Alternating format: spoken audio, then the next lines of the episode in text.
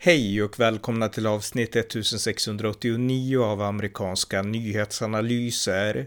En konservativ podcast med mig, Ronny Berggren, som kan stödjas på swishnummer 070-30 28 95 0. Här följer en uppdatering om det senaste i USA tillsammans med min svensk-amerikanske kollega Björn Nordström. Varmt välkomna.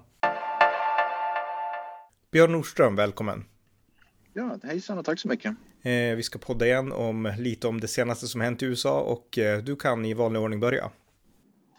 Ja, vi har ju pratat ganska mycket om latinamerikaner här i USA då nu och deras viktiga roll och framförallt deras, vad ska man säga, tyngd som kommer att påverka förmodligen flera delstater, framförallt i sydvästra USA.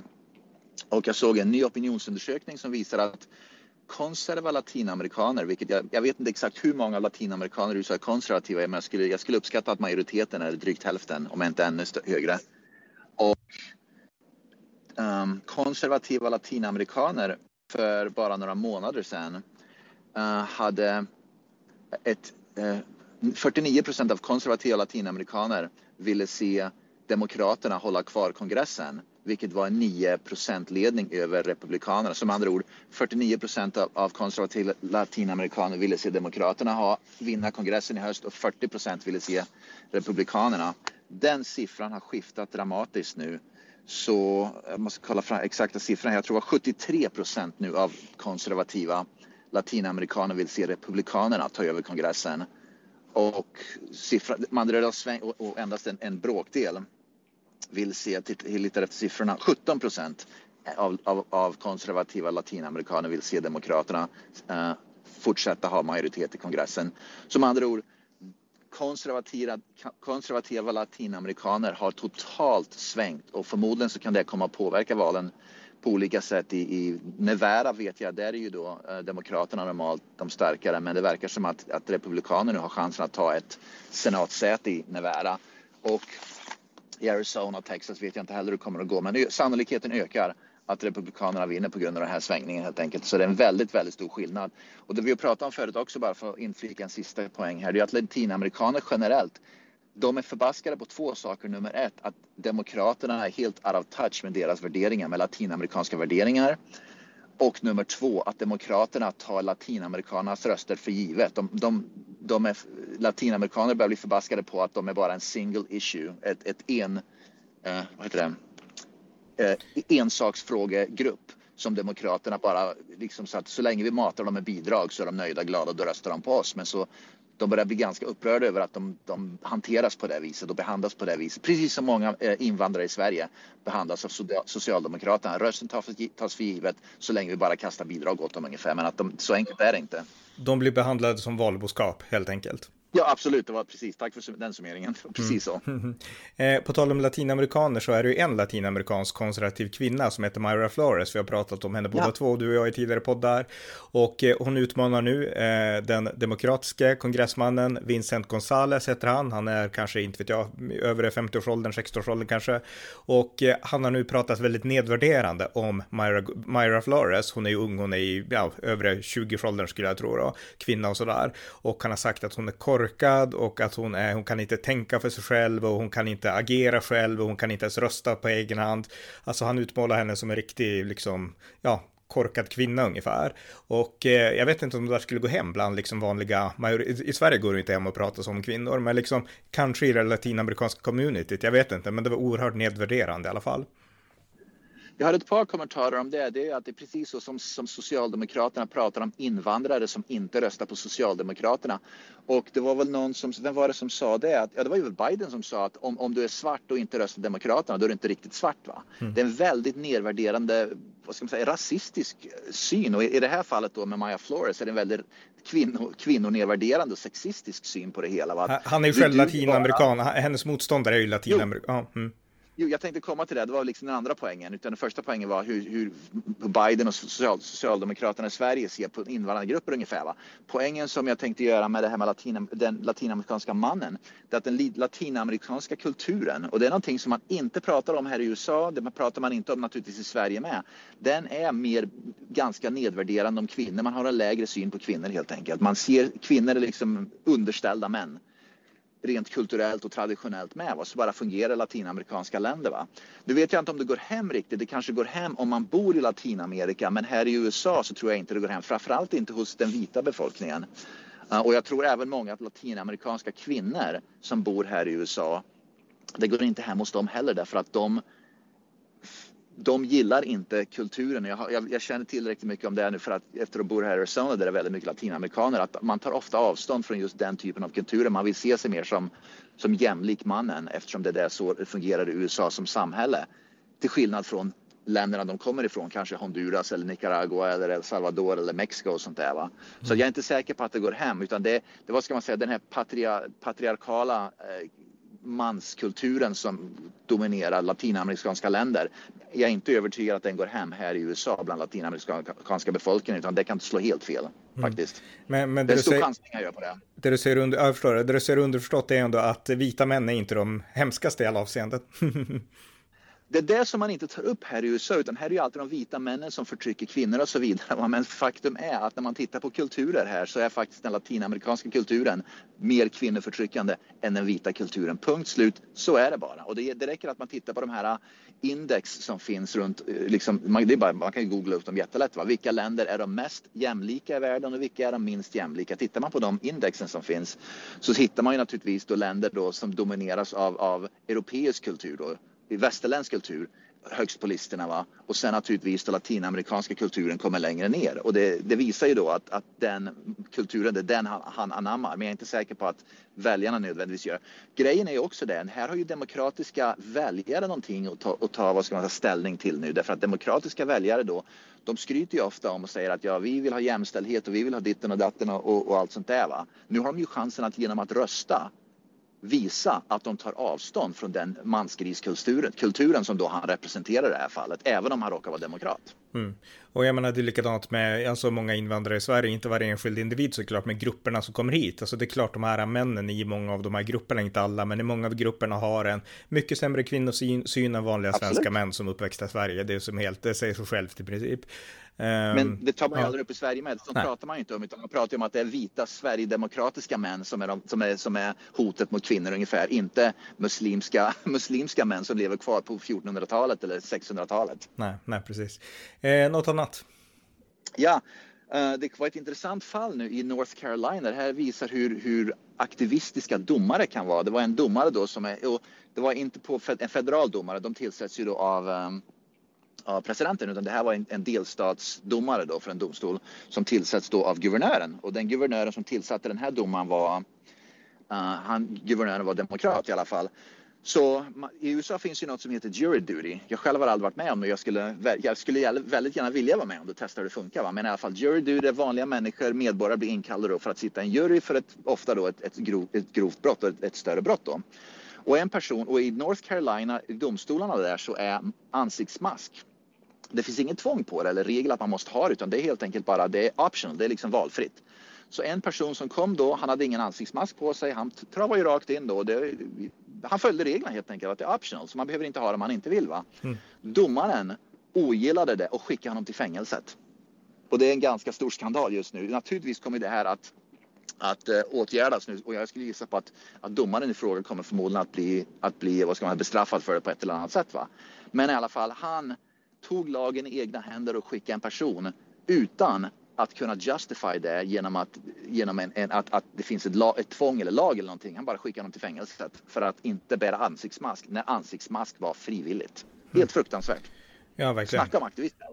Ja, här borde politikerna kunna gripa in. Alltså guvernören måste ha makt över den här situationen, gissa i alla fall i slutändan har de naturligtvis det och man kan ju då avsätta, det går ju att avsätta domar genom impeachment och allt sånt där guvernör har ju makt i sådana saker. Det ska bli intressant att se, jag ska se om jag kan följa upp det här på något sätt. Mm. Men, det, men, men förmodligen så kommer det här, det är, det är liksom en headline runt i USA att det, domare ska inte hålla på med sånt här utan det var ju helt fel. Så att det, det, är i alla fall en intressant fall. Men det visar just poängen med det här, det visar att domare kan bli aktivister, vilket de absolut inte borde bli och göra saker och ting som de inte har befogenheter att göra. Och i det här fallet var det en demokratisk domare som, som tog lagen i egna händer som inte har någon formell makt att kunna göra något sånt här egentligen. Och så visar du hur känslomässiga och hyperboliska de blir. Men hade du räckt att i dörren säga ursäkta, du, du, du måste ha munskydd där liksom. Hade du räckt att säga tycker jag. Ja, ja precis. Men det, det som sagt var, det, det, krävdes inte. Det var, det var bara frivilligt mm. helt enkelt. Som, Ja, precis. Eh, men på tal om domar och så, jag kan ta upp en sak då i sådana fall. Eh, Donald Trump, han eh, har fått ett avslag i högsta domstolen gällande de här beslagtagna dokumenten som FBI tog den 8 augusti i sin räd mot Mar-a-Lago. Och det som hände då, det var att eh, Eh, en Eh, ja, Trump ville, han fick tillstånd för det som kallas en special master, eh, en annan domare som ska se till att granska dokumenten för att se vad som FBI ska få gå igenom innan FBI får gå igenom det. Och det här var någonting som eh, Department of Justice, justitiedepartementet överklagade och eh, det 11th Circuit Court i Atlanta, de eh, gick på justitiedepartementets linje och det innebär att dokumenten är liksom tillgängliga för FBI. Trump och hans special master kan liksom inte stoppa FBI för att gå igenom dokumenten och det här överklagade Trump till högsta domstolen. Men eh, nu har högsta domstolen kommit med sitt beslut och de kommer inte att eh, eh ja, eh, jag, vet inte om de avslår det, men de tar inte upp det eller någonting. Men de tar inte upp den här tidigare domen. Och det innebär att den tidigare domen från The Appeals Court, den gäller. FBI får liksom använda dokumenten bäst de vill och Trump har inget att säga till om här. Ja, och för att fortsätta på den linjen med Trump då, det är att eh, tydligen nu så ska uh, det här January 6 committee uh, subpoena Trump. Trump. Mm. Han, all, all, allt tyder på att de har att de kommer göra en, en, en subpoena för honom. Andrew, han måste komma och vittna. Han har fått inkallelse att vittna nu i, i det där fallet. Och det är någonting som han också har försökt att stoppa men det har också gått vidare i domstol att eh, den här January 6 committee har rätt att göra nu. Så det mycket, händer mycket på den fronten. Ja, det ska bli intressant att följa. Jag började se sista hearingen och jag tycker att Trump har, han bär mycket skuld till det som hände den 6 januari. Det var han som uppviglade massan och sådär, men samtidigt vissa av dem här har gått för långt också. Alltså de vill verkligen nagla fast Trump med det här nu och göra det nästan till att ja. det här ska vara en rättegång. Men, men det kommer bli intressant. Vi får se vad, vart det landar om Trump kommer dit eller inte. Um, ja. Så uh, Nancy Pelosi, bara för att avsluta det här snabbt. Nancy, det kommer ut en ny video, den finns att hitta på nätet om man googlar upp det. Nancy Pelosi Eh, hotade att slå Trump på käften om han, om han kom in till, eh, om han la sig i för mycket. Så hon bokstavligen under det här då, som skedde då 6 januari så finns det video nu på när hon hotar på att, att, att, att, slå honom på käften. Jag såg det klippet men jag har inte kontexten så jag låter bli att kommentera. Men jag, men jag såg det ja. faktiskt. Ja, mm, det, och det var nytt, ja, ingen kände ja, till det. Mm, ja. Precis, en, en 85-åring ska slå en 80-åring på käften ungefär. ja, exakt. Ganska roligt. Ja, något annat? Jajamän, vi har ju pratat mycket om det här förut att, att universitet i USA då, de gör, de gör det här cancel culture. Yale University, vilket är ett Ivy League, ett av de finaste universiteten i USA, det ligger i Connecticut, New Haven, Connecticut. Deras law school och deras law, uh, vad heter det, juridikutbildning räknas som en av de tre, fyra, fem absolut bästa i hela USA och många som går på law school i Yale hamnar hos, uh, hos federala domare då som de kallar för clerks. Uh, mm man, vad, vad, hjälp, man, hjälpbrev ja. ungefär. Jag vet inte vad man heter, men i alla fall. Det, det är liksom ett, ett, många domare som hamnar i federala domstolar, framförallt om man vill hamna i högsta domstolen i USA. Om man har gått på Yale Law School, då är, ökar sannolikheten dramatiskt att man hamnar på, i högsta domstolen förr eller senare. Det är liksom där som HD tar många i sina, sina domare ifrån. I alla fall nu Yale har ju då också använt sig av den här cancel culture. Nu har i alla fall flera federala domare då uh, sagt ifrån att de, de vägrar ta emot clerks från Yale Law School från och med nu. Många eh, federala domare har gått ihop nu därför att de anser att Yale Law School helt enkelt, deras cancel culture är helt enkelt, vad ska man säga, inskränker yttrandefriheten till den punkt när de inte längre kan, när domare inte längre vill ta emot Yale Law Students som clerks.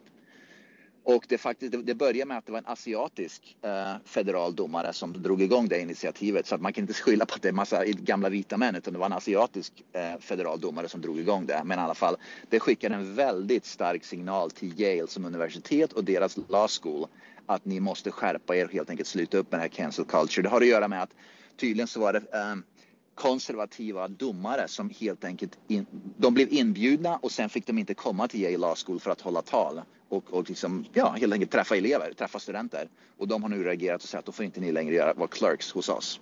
Så det är en stor förlust för Yale Law School, en väldigt, väldigt stor förlust. Mm. Och det, det, kanske får dem att nyktra till och börja tänka till i de här frågorna, förhoppningsvis. Ja, det är det de måste göra förr eller senare, va? därför att det, det är liksom, det här, universitet bygger på frihet och yttrandefrihet och det här och även då att Yale Law School nu, nu får de ju färre möjligheter att skicka iväg eleverna till då att vara clerks mm. på väldigt, väldigt prestigefulla poster runt om i USA. Och det kommer ju påverka dem, om inte annat kommer det påverka dem i plånboken därför att många som då är de här toppeleverna som då ska studera juridik kommer förmodligen inte ha gått Yale längre därför att deras möjligheter kommer att helt enkelt begränsas på grund av det här. Mm, jättebra. Eh, ett sidospår här, men alltså det som händer med universitetsvärlden i, i de här avseendena när det blir så här cancel culture och så, det är att universiteten som ska vara liksom bastioner för yttrandefrihet och öppen debatt, det omvandlas till sekter, politiska sekter. Ja. Du måste tycka rätt och tänka rätt och liksom förespråka rätt saker, annars så blir du cancellad och annars blir du liksom så att jag menar, det är definitionen av en sekt, inte av ett universitet. Ja, absolut. Och det var ju precis det som Tulsi Gabbard pratade om när hon då sa upp sitt medlemskap eller sa upp sin association med det demokratiska partiet. Det har blivit en sekt helt enkelt, en galen sekt. Mm. Eh, en annan sak som jag tänkte nämna det är att eh, Kalifornien legaliserade ju cannabis den eh, 2016 ja. i alla fall. Och eh, nu har eh, Los Angeles Times följt upp hur det har gått med cannabisindustrin för det har blivit en industri i Kalifornien. Kalifornien är en stor och eh, hyfsat rik delstat och det här är den största legala cannabis, eh, jag förmodar både marknad och produktionsregion i hela världen. Alltså det är en enorm industri av cannabis. Eh, det berättar när man har följt upp det här så man har sett att det växt också fram en svart industri. Därför att det är mycket lättare att producera svart cannabis när det finns liksom legal cannabis också. Och eh, man har sett att missbruket har ökat, våld har ökat. Alltså det är otroligt mycket i det här liksom som har gått fel.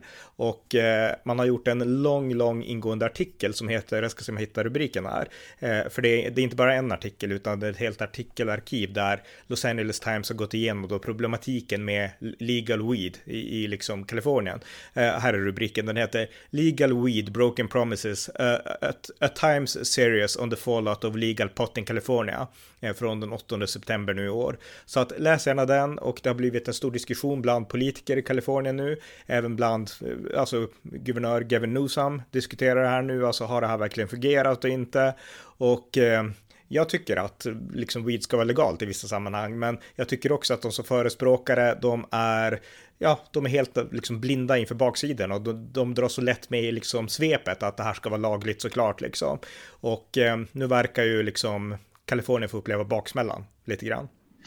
Det var intressant för jag läste just en artikel för bara någon dag eller två sedan om, och det handlar om, om hur San Francisco har gått åt skogen precis med samma saker. Eh, det var en helt annan artikel i en helt annan tidskrift. Jag minns inte exakt vad artikeln hette. Va? Men det, den, den pratar just om att San Franciscos politiker som ville påvisa sig att vara progressiva har, har liksom spolat allting som inte anses vara progressiva, vilket har lett till massdroganvändning på gator och torg överallt och det är det som har bidragit till ökad kriminalitet, människor, är liksom, är hemlösheten, folk liksom håller på med droger överallt, liksom man, man promenerar runt. Vi har ju vänner som åker till San Francisco på semester och sådär och säger att herregud, det är liksom drogmissbrukare precis överallt i varenda gathörn liksom, där de sitter och gör droger och, och, och vidare. Va? Så att Problemet som har skett i Kalifornien, vilket då San Francisco är väl ännu värre än Los Angeles om jag fattar det rätt, är ju att politikerna där, vad ska man säga, de har, de har inga gränser för vad som ska tillåtas i namnet progressivitism eller vad det nu kallas för. Va? Att när man ska vara progressiv, då gäller det att man tillåter precis allting. Allting som inte är progressivt, det är reaktionärt och då måste man helt enkelt liksom avsluta det. Om det är defund the police eller öppen droganvändning på gator och torg eller att man liksom får begå brott och inte får något straff för det. Allt sånt anses vara progressivt. Att liksom bestraffa människor för brott det är reaktionärt, ja då kan vi inte göra det. Att ha någon form av kontroll på droger eller försöka på något sätt förbjuda vissa droger, det är reaktionärt. Nej, då måste vi, förbjuda, då måste vi stoppa det där. Va? Så att, så att det, Problemet är att politikerna har liksom, det som i Sverige var liksom med, med, med, typ Centern ungefär, man har gått så himla långt åt, åt ett håll att man har släppt allt löst och då mm. går det åt skogen. Det har liksom ja. blivit flugornas herre ungefär lite grann. Verkligen, och det som också skrivs i de här artiklarna det är att eh, inte nog med liksom problemen som kommer av droganvändningen. Det har också uppstått enormt mycket korruption där de här illegala cannabistillverkarna, Mariana och allt vad det är, liksom de, de försöker muta både politiker och myndighetsmän och sådär för att få komma in på de öppna marknaderna så att det är oerhört mycket smutspel i bakgrunden. Så att eh, det här kommer att krävas ett enormt uppställningsarbete för att få det här att funka. Ja, herregud. Det jag läste också i San Francisco det är att många av dem, äh, den stora majoriteten av drog, de som håller på att sälja de här drogerna, cannabis och allt sånt där, är invandrare från Honduras, ofta illegala invandrare från just framförallt Honduras. Mm. Så att de drar ju nytta naturligtvis av det där nu också, att, att det är ett sätt för illegala invandrare att tjäna massa pengar och, och så vidare genom att sälja massa droger och så vidare. Så att det är liksom, problemen bara ökar ju. Och det sänder ju signaler till, till folk i Honduras ungefär som att kom hit och sälj massa droger därför att allt är tillåtet ungefär. Va? Så att det har inte bara med droger att göra utan det har också med migrationen att göra. Här kan du tjäna pengar, kom hit och sälj droger. Mm. Nej men alltså sådana här, bara för att hålla oss kvar vid med lite kort bara, alltså sådana delstater som Kalifornien som gör allt exakt, jag menar det du var inne på, liksom det reaktionära kontra det progressiva utifrån deras sätt att se på det. Jag menar, allting blir helt upp och nedvänt. Jag menar, vi, vi pratade tidigare om det var i sommaras tidigare om de här tågen i Kalifornien som vart rånade, alltså rena rama vilda ja. västern. Och jag menar, vi har de här drogpersonerna, liksom personerna, vi har uteliggarna som ockuperar stora delar av städer. Det är helt upp och nervänt mot hur ett samhälle ska fungera och hur de flesta normala medborgare i medelklassen vill ha det liksom. Ja, jag såg faktiskt en film och det var, jag, det var min första tanke. Jag såg en film idag, den heter Dag, hund. Och den kom ut alldeles bara för några veckor, några månader sedan och det är Tatum Channing som är i den filmen. Och i en av scenerna, det är otroligt intressant för det speglar verkligheten. Va? Polisen polisen fungerar ju inte längre. Va? Den är ju defunded eller man liksom, de, de, de, de, det finns ju liksom ingen hjälp när man ringer polisen för småsaker. Va? Så Tatum Channing är en scen, han hade blivit han hade haft bilinbrott. Så bil, liksom, det var filmen då, så det var inbrott i bilen. Någon, en uteliggare då hade ju stulit hans grejer. Va? Och min första tanke, varför ringer han inte polisen? Men så insåg jag att det gör man inte längre i Kalifornien. Utan han gick, han hade en hund som spårade upp då vart uteliggaren var som hade stulit hans grejer. Va? Och sen helt enkelt eh, kast, eh, liksom, brottade han ner uteliggaren och tog tillbaka sina grejer. Man tog lagen i egna händer. Och det är precis det som sker allt mer nu i delstater som Kalifornien. Därför att man tar lagen i egna händer. Därför att ringer man polisen, det finns inte en suck att polisen kommer att hjälpa till. Nummer ett, de kommer inte att hitta uteliggaren. Nummer två, om de hittar uteliggaren så finns det ingen, det, det, det spelar ingen roll, inget kommer att ske. Mm. Då är det bättre att ta lagen i egna händer. Om man måste skjuta ihjäl en uteliggare för det, då gör man det helt enkelt. Och det är det som gör att laglösheten, vanliga människor kommer allt, i allt större liksom bli mer laglösa själva därför att man inser att okej, okay, om inte samhället hjälper mig, då måste jag ta lagen i egna händer. Och det betyder att jag kanske måste använda våld mot människor för att få ordning och reda på mitt liv. Mm. Ja, det är verkligen, verkligen. Det, det är så knäppt att det har blivit så. Eh, vi går vidare, något mer? Ja, uh, vi pratar om att Arizona tar ju uh, val, liksom allmänna val då väldigt, väldigt viktigt. Jag såg nu att en kvinna i Arizona under valet 2020 hade gjort, uh, vad heter det, uh, ballot harvesting. Det är när man samlar då, ja, man, det, det, det är olagligt alltså. Man får inte åka runt till människor och liksom dela ut eller samla in då val, valsedlar som man själv åker iväg och lämnar in då. Hon hade samlat in fyra, bara fyra valsedlar. Hon blev i alla fall bestraffad med 30 dagar fängelse för att samlat in fyra valsedlar hos folk som skulle rösta. Hon tog de fyra valsedlarna och åkte och droppade av dem då till en sån här till en vallokal. Men nu fick hon 30 dagars fängelse för att det är olagligt. Mm. Ja, just det. Eh, ja, fortsätt om du har något mer. Jajamän. Alexandria Ocasio-Cortez ligger nu uh, inte så bra till hos vänstern i USA därför att hon röstade ju då, det var för ett tag sedan då, men det var hon röstade för att hjälpa Ukraina med att skicka vapen från USA till Ukraina och hjälpa Ukraina finansiellt i alla fall. Men vänstern i USA verkar ogilla det så att allt fler vänsterröster nu börjar gå emot AOC och hon, hade, det var, det var, hon, hon gjorde torgmöte för bara några dagar sedan och hon blev vad kallad för på svenska heckled. Uh, folk Hån, på torgmötet hånad ja, av vänst, vänstern under torgmötet att de hånade henne och liksom gapade och skrek åt henne att, att, att uh, hon helt enkelt har fel linje vad gäller Ukraina. Så att hon ligger inte bra till hos vänstern heller nu i USA. Så att det, det blir intressant utveckling där. Ja, det. det. är liksom hennes, det är hennes liksom väljargrupp naturligtvis. Ja, ja, men det är intressant. Det var ju bra att hon stödde Ukraina tycker jag, men intressant ändå att hon blir backstabbad av sina egna och så fort hon gör, man sticker utanför liksom. Ja. Eh, Jajamän. På, på. Jag tänkte bara... Ja. Nej, jag tänkte, jag fortsätt om du har något mer på, på temat. Nej. Nej, det var, det var en, en, annan politiker bara jag tänkte på. Det var eh, guvernören för eh, New York, Hochul, vad hon heter. Mm. I alla fall. Vi har pratat om det här förut. Hon officiellt guvernören av New York då på grund av att, att Texas, Arizona och Florida skickade upp några busslaster med med, eh, med illegala immigranter till delstaten New York. Hon har i alla fall officiellt nu gått ut och sagt, hon är en demokratisk guvernör som tidigare älskar då naturligtvis Joe Biden. Hon har gått ut och sagt rakt ut att, äh, det är Bidens fel att det är en migrantkris i USA nu och det är en otroligt stor, vad ska man säga, utveckling att en guvernör, för, för en demokratisk guvernör för delstaten New York går ut nu och, och, och pratar i klar, klartext helt enkelt. Va? Att det inte längre bara är högerextremisterna i Arizona ungefär och, och, Texas och Florida utan nu är det även demokratiska guvernören som helt enkelt eh, nyktrar till och, och, och, säger att det är Bidens fel vad det som pågår nu vid gränsen. Mm, ja, och då har ju de här gränsguvernörerna, Greg Abbott och de andra lyckats, för jag menar, det var ju det som var deras ambition. Absolut, så det här är ju helt perfekt och det var ju direkt bara på några busslaster va. Eh, medan då delstaten här nere, de får ju miljontals ungefär under ett år medan några busslaster räckte så att det fick precis den effekten de ville, punkt slut, vilket är jättebra. Ja.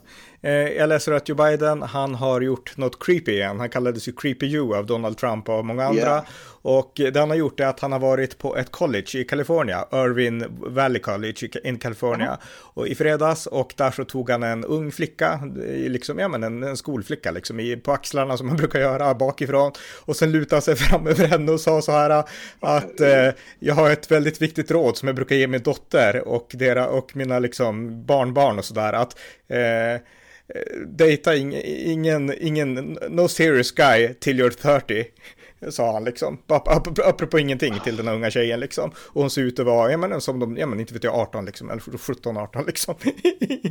Från ingenstans. Och, ja, och han är ju president nu liksom, det är presidenten som kommer liksom börja liksom massera henne på axlarna och säga att hon ska liksom, ja, ja man ser, det är det här problemet som, som, som vänsterliberal media, att de hycklar i det här. Om det här hade varit Donald Trump som hade gjort det, hade varit i, hela, i både Sverige och USA huvudnyheter. Mm. Biden gör precis det här och då, då nämns det knappt. Det, det, är liksom ingen stor grej av det hela. Va? En annan grej som Biden gjorde för att nämna någonting, han, han gjorde ett, ett tal för bara några dagar sedan där han sa att hans son Bo Biden dog i Irak. Just han, mm. han var i Colorado och höll ett tal, Bo Biden dog i Irak. Han dog inte alls i Irak. Han, han dog, av cancer. Mm, av cancer. Precis. Mm. Och det, det, är helt otroligt alltså att, att Biden, att, liksom, att media, att de bara liksom nämner det som en parentes i värsta fall ungefär. Men att om det här hade varit Trump, det hade varit krigsrubriker överallt konstant, speciellt när det handlar om små flickor. Va? Mm. Men då hade ju liksom det ordet pedofil kommit upp konstant. Men eftersom det är Biden så gör det ju inte det. Nej. Ja, nej precis, verkligen, verkligen. Ja, något mer? Jajamän. Uh, vad heter hon? Megan Kelly. Det var, hon var ju då en före detta då, stjärna på Fox News. Så hon kör för sitt eget race nu. Mm. I alla fall. Hon, um, hon gick ut rakt ut och kallade, det finns en, en host, en, en, en tv-host för MSNBC, vänsterliberal och MSNBC som heter Tiffany Cross. Så Megan Kelly då kallade då Tiffany Cross för en dumbass. Och det visar också hur, hur, hur vad ska man säga, att de ser alltid hudfärg. Så Tiffany Cross då som är en svart kvinna för vänsterliberala MSNBC tv-kanal då hade gått ut och sagt, hon hade gjort en kommentar på NFL, jag vet inte hur insatt du är i NFL, men den som är quarterback för Miami Dolphins heter Tua, han har väldigt långt namn, det är i alla fall en, en han är av, um, vad heter det, uh, Pacific, how, uh, Pacific, uh, det är inte asiatisk utan det är Polynesian Pacific background. Men i alla fall Tiffany Cross då sa att Tua var en black quarterback och han blir behandlad annorlunda för att han är svart.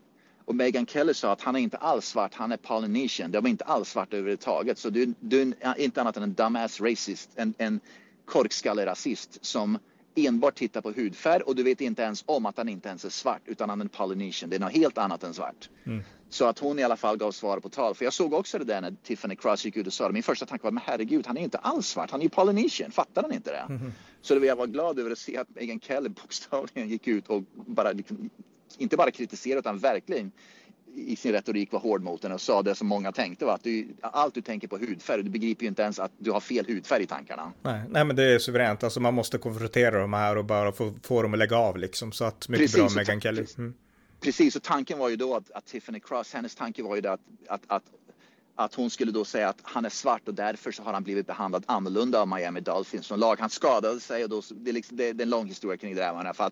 Men hon, hon gick ut och sa att de är, Miami Dolphins är rasistiska mot svarta quarterbacks. Det var därför som ett visst beslut togs inom Miami Dolphins organisation.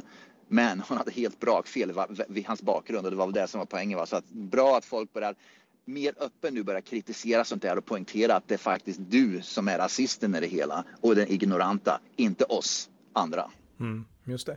Ja, något mer? Uh, får se nu. Uh, ja, just ja, Clarence Thomas. Ja, jag, jag, vet inte om jag nämnde det här förr, att Clarence Thomas um, hon som är HD-domare. Mm. Det var ett, ett HD-förhör för bara några dagar sedan i alla fall och Clarence Thomas skulle då ge ett exempel då. Han använde äh, artisten Prince som då är en svart artist, artist då. Han sa i alla fall att han själv var en stor Prince-fan för några år sedan. Men det verkar då som han indikerar att han inte är en Prince-fan längre. Va? Jag menar, människor kan ju byta musiksmak över, genom åren. Va? Mm. Jag menar, musiken jag gillade för 40 år sedan kanske inte är den samma idé jag gillar nu. Va? Men i alla fall, men han i alla fall då blev kritiserad av vänstern här i USA i alla fall för att han inte längre kanske gillar Prince. Istället för att vänstern fokuserade sig på ämnet då som var uppe i högsta domstolen. Då kritiserar man och ger sig efter uh, um, Clarence Thomas, HD, konservativa HD-domarna, va? för att han kanske inte längre gillar Prince som musikartist. Herregud. Mm. Men, men alltså Prince, eh, eh, nu, det här visar ju lite jag kan, men alltså, eh, är inte han död? Dog inte han för typ... Jo, det var det han gjorde, va? men ja. musiken alltså, Prince och musik. Ah, okej, okej, okej. Det var poängen. Ah, okej, okay, just det, då förstår jag. Ja, mm, precis, det var mm. den musiken vi pratar om, att mm. han, oj, han, en, svart, en svart person måste ju gilla Prince musik ungefär, och om man inte gör det längre, då är det något fel på honom, på den personen ungefär. Men det är precis det vi har pratat om, att att vänstern då att om du är svart då måste du gilla Michael Jackson, du måste du gilla Prince, du måste bli precis så liksom håller de på att trycka in latinamerikaner och svarta och så vidare. Va? Att om du är svart eller latinamerikan då måste du gilla vissa specifika saker. Mm. Annars är det något fel på dig. Ja, just det. Ja, men då förstår jag. Mm, mm. Eh, ja. ja, något annat? Ja, uh, jag såg nu att uh, det finns någon, jag kollar här, det finns något som heter en comic. Um, Tom Taylors Woke Superman, det här, vad heter den? Um, ja, Stålmannen, okej, okay, just det, Superman. Ja, Stålmannen, mm, ja, mm. den har blivit cancelled. Här, det finns en bild på det hela när Stålmannen pussar då någon annan manlig då, superhjälte. Ja. Och den är i alla fall cancelled. Jag kommer inte ihåg serien, jag hänger inte med allt sånt där. Men i alla fall den serien med, med en Stålmannen som homosexuell är cancelled nu i alla fall. Ja. Det, det, som hände, jag har läst om det där faktiskt, det är att ja, alltså, Stålmannen, Superman, han framställs som, eller han, han, i den här moderna tappningen ska han vara bisexuell i alla fall, det är det som är poängen liksom. Okay, okay, och eh, de, de, släppte första numret i somras och det sålde väl för att det var liksom nyhetens behag. Och sen så sålde det färre och färre och nu så lägger man ner ja. för att det är ingen som vill köpa tidningen. Ja, men jag såg också att Netflix just hade stoppat för bara, det var, jag tror det var i våras i och för sig, men vi nämnde inte det, men jag, jag såg det att uh, de hade stoppat en serie då. Så om du minns när vad heter han, George Floyd dog för ett, ett par år sedan då. 2020 då var det många, mm. Precis, jag förlåt, tack så mycket. Då var det många som, som försökte dra nytta och tjäna pengar och då var det bland annat en svart person då som gjorde en, en, en serie, en serie en bok, jag tror han skrev en bok som hette Anti-Racist Baby som då skulle handla om hur man ska indoktrinera då nyfödda bebis, barn till att bli anti-racist ungefär. Netflix i alla fall när den boken kom ut, eh, de skulle då göra en serie med den där boken men de beslutade sig nu för några månader sedan i alla fall att de inte tänker göra en serie på den boken. Mycket har att göra med att det här eh, vad ska man säga, den här woke-rörelsen kring just George Floyd och Black Lives Matter har ju ebbat ut ganska rejält. Va? Så att Netflix, hade det varit för ett par år sedan, då hade de kanske gjort serien. Men nu inser de att nu helt enkelt, det finns inga pengar i det där längre. Utan liksom människor, nu är det klimatkrisen ungefär som man kan tjäna pengar på, så då ska man väl hoppa på det.